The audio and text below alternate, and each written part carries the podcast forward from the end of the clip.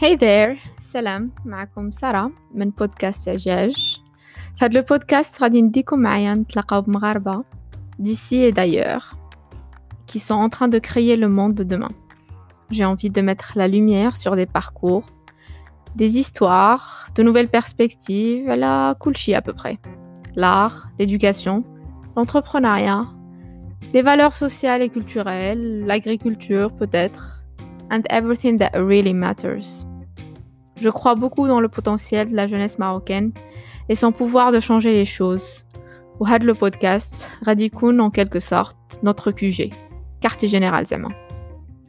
Because stories worth sharing and we can learn as much about ourselves while learning from others.